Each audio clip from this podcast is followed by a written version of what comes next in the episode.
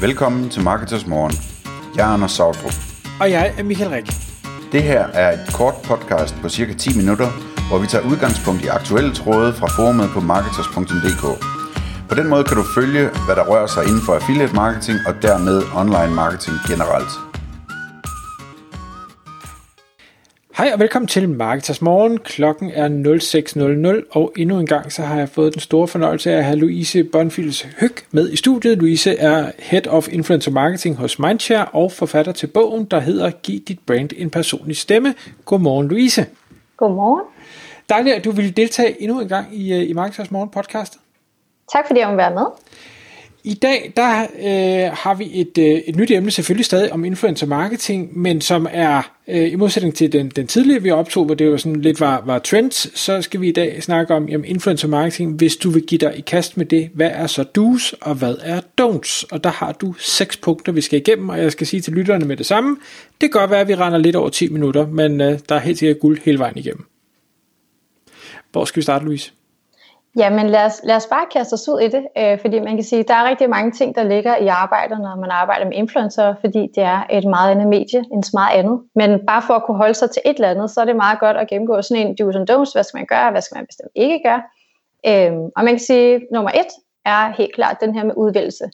Det er alfa og omega, at man får valgt de rigtige influencer. Øh, fordi det er tit her, at øh, man ser kampagner, der er gået galt. Det er fordi, man øh, har udvalgt en influencer, der ikke passer til samarbejdet øh, af mange forskellige årsager. Så det her med at være grundig i sin udvælgelse er øh, super vigtigt, øh, og det gælder både, man kan sige datamæssigt, at man får undersøgt, om influenceren har en god performance, øh, men også om kvalitativt, om der er et godt brain match, om der er et match mellem influencerens målgruppe og ens virksomheds målgruppe. Øh, så det er i hvert fald den første faldgruppe, og den første ting, man øh, skal være ret grundig i fra start af. Mm. Og det kunne vi jo lave et helt podcast om, eller mere. Yeah. øh, så så det, det vil vi ikke gøre, men jeg tænker, den gælder vel begge veje, gør den ikke? Jeg ved godt, at man som influent jo gerne vil sige ja til pengene, men om bør man vel også kigge ind og sige, ah, jeg er nok ikke den rigtige for jer, eller hvordan? Jo, det går helt klart begge veje. Øh, selvfølgelig er det vigtigt, at virksomheden får lavet sit forarbejde, men jeg vil også håbe, at når man rækker ud til influencerne, at de er gode til at sige nej til samarbejder. Og det vil jeg sige, øh, generelt set, det er de fleste, altså, som er gode influencers, men man kan altså også finde nogen, der bare gør det for, penge, for pengene. Og det er jo der, man selv skal være skarp fra start af. Så det skal selvfølgelig gå begge veje, men, men øh, man, man ser også, at influencers siger ja bare for pengene. Så hvis man selv gør forarbejdet, så sparer man i hvert fald noget der. Mm. Okay. Punkt to. Punkt to er det her med at få lavet et grundigt fodarbejde. Og det er, altså, det er jo ligesom alt andet marketing. Man skal have lagt en strategi, man skal have sat nogle KPI'er, man skal sørge for at udvælge baseret på data og få målt op på tingene. Øhm, og det, det er tit også det, jeg ser, der går galt, det er, at øh, man simpelthen ikke ved, hvad er det, det kræver for at komme i gang med det her. Øh, der er mange, der bare måske starter med at sende nogle produkter ud til nogle influencers, og så håber på, at der bliver lagt noget op. Og ja, det, det kan man også gøre, men man kan også gøre det langt mere strategisk, så man får mere ud af sine kampagner. Øh, for eksempel er det jo rigtig vigtigt, øh, at man får lavet nogle grundige briefs til influencerne. En brief er jo en beskrivelse af, hvad det er, øh, man forventer, at influenceren skal gøre i samarbejdet. Øh, helt konkret kan det være, skal det bruge tracking link, hvad for en profil skal det tagge, hvad for nogle punkter skal det komme ind på. Så det er ikke et manus, fordi det vil aldrig anbefale, man, altså det er ikke de steder manuskript på, hvad de skal sige, men mere nogle retningslinjer for, hvad man forventer. For det er igen det her med, hvis ikke man får øh, forventningsafstemt, så kan man ende ud i, at influenceren laver noget helt andet, end det man havde regnet med, og så det vil være ærgerligt for virksomheden, men også for influenceren, der egentlig synes, de har lavet et godt stykke arbejde, men som desværre ikke lever op til det, man har regnet med. Og det er tit det her med forarbejdet, som folk simpelthen skiber, og så går de bare i gang. Og det, det gør, at det er svært at måle på nogle kopier, hvis man for eksempel ikke har sat nogen fra start af. Det må, det må man sige. øh, og, og man kan sige nu, det der med at blive skuffet, fordi man ikke får forventningsafstemt, det passer jo fint med, med det, du nævnte i vores øh, tidligere podcast, med at langvarige samarbejder, det, de bliver nok ikke ret langvarige, hvis ikke man øh, er enige om, hvad det var, der skulle være lavet. Ja, præcis. Altså, så det, det er jo også et, øh, man kan sige, selve briefingprocessen, der er det jo, øh, der er jo rig mulighed for, at man kan inddrage influenceren og høre, om de har nogle idéer og ligesom lave et mere interaktivt samarbejde, i stedet for, at man som virksomhed kommer og siger, du skal bare levere det her, og vi synes sådan og sådan, så er det jo faktisk også en, øh, der er der rig mulighed for at få influencerens feedback, og det kan jo være, at de har nogle andre idéer, for de kender jo deres audience bedre, end, end man selv gør. Så på den måde kan man også gøre det til en mere interaktiv proces med influenceren. Og der bliver jeg nødt til at spørge, og nu ved jeg godt, så går vi lidt off øh, manuskript her, men ja, det er fint. influencers for mig kan godt, og det, det gælder måske ikke de små af dem, men hvis de bliver lidt større, så er det pludselig sådan, så er der den der kendis-faktor øh, måske, og, og jeg kunne godt forestille mig, at der er nogle virksomheder, der havde lidt øh, berøringsangst med, at uh, skal jeg tale med X, tør det? Ja, så tænker du i forhold til selve dialogen? Ja, i forhold til dialogen, sige, lad os inddrage, lad os prøve fælles at finde ud af et eller andet. Det kan godt være, at man kunne være sådan, at det, det tør jeg ikke, fordi han, han hun er meget kendt. Jeg tror mere, det har at gøre med, det er i hvert fald min erfaring med, at, øh, at det er fordi folk øh, er bange for, at influenceren ikke har styr på det. Altså at de simpelthen får, at influenceren siger, lad os gøre det her, og så er virksomheden bange for, ej, er det nu en god idé, og hvad ved de om det, og altså, giver det nogen mening? Så jeg tror mere, det har et tillidsspørgsmål til, at influencer faktisk også har noget at byde ind med, og, og lægge på bordet frem for, at det kun er virksomheden. Det synes jeg i højere grad er, er det, jeg ser. Okay. Okay. Punkt nummer tre. Punkt nummer tre er øh, forståelse for influencer-mediet. Det er noget, som, øh, som jeg også øh, synes er gældende generelt i marketingbranchen, og der er mange, der ikke helt forstår det her medie. Øh, og det, øh, altså, det kræver jo også, at man på et eller andet plan selv øh, kan visualisere, eller selv er til stede på sociale medier for at forstå hele den her interaktion, der er mellem influencer og en følger, som er noget særligt, end når vi snakker alt andet digital marketing. Og hvis der man ikke har den forståelse, så er det svært at benytte mediet på dets præmisser, Øh, og det er nogle gange det, man ser, der går galt. Det er jo, hvis man de steder laver et manuskript til influenceren og siger, at du skal sige præcis det her, fordi man gerne vil styre udfaldet så godt, som du kan styre en normal reklameproduktion. Men det gør jo så bare, at det fremstår tit rigtig sponsoreret og iscenesat, og så får det en dårlig effekt på følgerne, som synes, at det fremstår meget kommercielt. Øh, det er sådan et klassisk eksempel øh, på, når man ikke forstår mediet, at det er simpelthen en præmis, at man tør at give lidt slip på kontrol, når det er, man samarbejder med influencers. Det er rigtig god mening. Og det kunne jeg sagtens forestille mig med de brands, jeg kender til, at det, det kan være ret svært. Ja, der er mange, der har svært ved det, og altså, hvis ikke man ligesom er indstillet på det fra start af, så skal man måske bare vente med at gå i gang, for det bliver aldrig godt, hvis man virkelig gerne vil styre det helt ned til punkt og prikke, fordi noget af det er man nødt til at lade være op til influenceren. Så kan man jo gøre meget for at styre dem i en rigtig retning med briefs, og man kan sørge for at få indholdet til godkendelse, inden at de poster alle de her ting. Men, men man er nødt til også at overlade noget kontrol til influenceren, i og med at det jo også er deres medier, at de ved, hvad der fungerer for dem. Præcis. Punkt nummer 4. Punkt nummer 4. Brug af data til udvælgelse og dokumentation. Øhm, generelt så arbejder vi jo meget datadrevet i marketingbranchen. Det er jo ikke noget nyt, men der er mange, der ikke ved, hvordan de skal benytte øh, data i forhold til influencers. Der er andet, man kan kigge på end en, en, en engagement rate for eksempel. Der er en masse andre metrics, som man bør tage stilling til.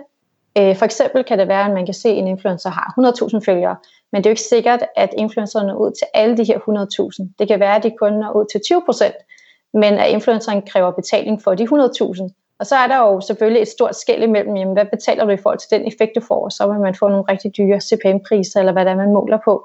Så det her med at bruge data øh, til, når man screener influencers, men også generelt, når man dokumenterer bagefter. Øh, det er jo super vigtigt, ligesom alt andet marketing, men min erfaring er bare, at det ikke altid sker i praksis. Øh, og der er jo masser af redskaber til at få data, så det er sådan set ikke et problem. Jeg tror bare, at der er behov for, at man igen behandler det her medie lige så professionelt som alt andet markedsføring. I forhold til de her kopier og de her målepunkter, hvad, hvad vil du anbefale, at man skal, skal måle efter, og, og hvornår er det godt? Mm, ja, altså det, man kan sige, det er også et bredt spørgsmål. Det kommer an på, hvad, hvad det er for en kampagne. Hvis det er, vi snakker, at det er en reach-kampagne, det er en awareness-kampagne, så måler man jo selvfølgelig på rækkevidden, og det er unik rækkevidde, øh, vel at mærke. Der er nogen, der, når de snakker, ja, måske, måske også forhold til andre mener, men i hvert fald også til influencer marketing, at man egentlig bare kan summere en post og en story, og så sige, det er reach gang to, men det er det jo reelt set ikke, for det er den samme følger, der har set de her ting, så det er vigtigt, at man ligesom regner det ud på den rigtige måde, øhm, og kigger på, hvor langt er influenceren nået ud til sine følgere, øh, i forhold til, hvor mange følgere de har. Det, der hedder reach efficiency, så man kigger på ikke kun følgerantallet, men hvor langt de er reelt, altså hvor effektiv er de til at nå til deres audience. Hvis det er, at man skal gå et spadestik dybere, så skal man jo gerne lave nogle effektanalyser, der reelt kan, kan se eller evaluere på, om der er et løft i kendskab, øh, og kendskabsgraden steget og alle de her ting det kræver jo nogle mere avancerede analyser, men har man mulighed for det, så er det jo den eneste reelle måde, du kan dokumentere en øh, kendskabseffekt, i stedet for bare at kigge på reach og impression tal, for eksempel. Og jeg tænker også, at kampagnens størrelse må have en, en vis volumen, hvis man skal ud og lave gallopundersøgelser eller ringe rundt og, og sige, hvad er kendskabsgraden til det her brand, for der, der er en influent jo nok ikke nok til at rykke noget som helst. Nej, så der skal, der skal gerne være et par stykker. Altså, vi lavede en for vores kunde Dyson øh, i Mindshare, hvor vi havde tre influencers i Danmark og tre i Sverige. Der lavede vi en præ-pos-måling på det danske marked og det svenske marked. Og der, der kunne vi sagtens se et opløft. Men, øh, men selvfølgelig, man skal nok gerne have mere end en, ellers så er det svært reelt at sige, om det har løftet noget, fordi volumen er så lille. Ja, og, og det skal vel også være influenter med en vis reach.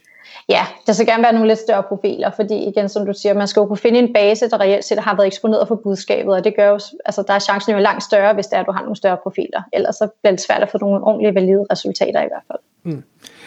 Hvornår er det godt nok, og jeg ved godt, det er svært at svare på, men, hvis du skal sige et eller andet alligevel? Altså, hvor mange, øh, hvor mange øh, influ- altså, Ja, hvis man nu siger, at det er en, det er en reach-kampagne, man gerne vil købe, altså hvor, hvor, hvornår er man tilfreds? Altså kan, kan man sige, at vi skal nå det her, så er det godt, eller, eller hvordan gør man det? Ja, så man kan sige, det, i forhold til ens KPI, hvis nu man siger, at man har en KPI, og man, man vil gerne have en dækning på 40% af målgruppen igennem influencerne, altså ud efter deres følgerantal, så er det jo, så er det jo altså et pænt tal, så skal man bare finde nogle influencers, der ligesom har, øh, man kan se en stor andel følgere i netop den aldersmålgruppe, eller hvad det nu er, man kigger på. Øhm, så igen, det kommer an på, hvad det er, men øh, hvis det er, man skal ud og have noget ordentligt rækkevidde, skal man jo gerne op på altså 100.000 mains, altså 100-200.000 i hvert fald, vil jeg sige. Som har lavet noget engagement med det, eller så bare skålet forbi, eller hvordan? Nej, men det er i forhold til rækkevidden. Selvfølgelig er der også noget engagement, som er et andet parameter, men hvis man bare skal sørge for at eksponere folk igennem influencer, så gerne vil reelt rykke noget, så skal man jo nok op på over i hvert fald 100-200, altså i reach. Og det kan man opnå bare med måske to profiler, så har man flere på, så når man selvfølgelig længere ud. Vil du inddrage øh, influenterne i øh, fastsættelse af de her kopier for, hvornår det er godt og ikke er godt, og hvad målene skal være, eller skal man selv som virksomhed beslutte det?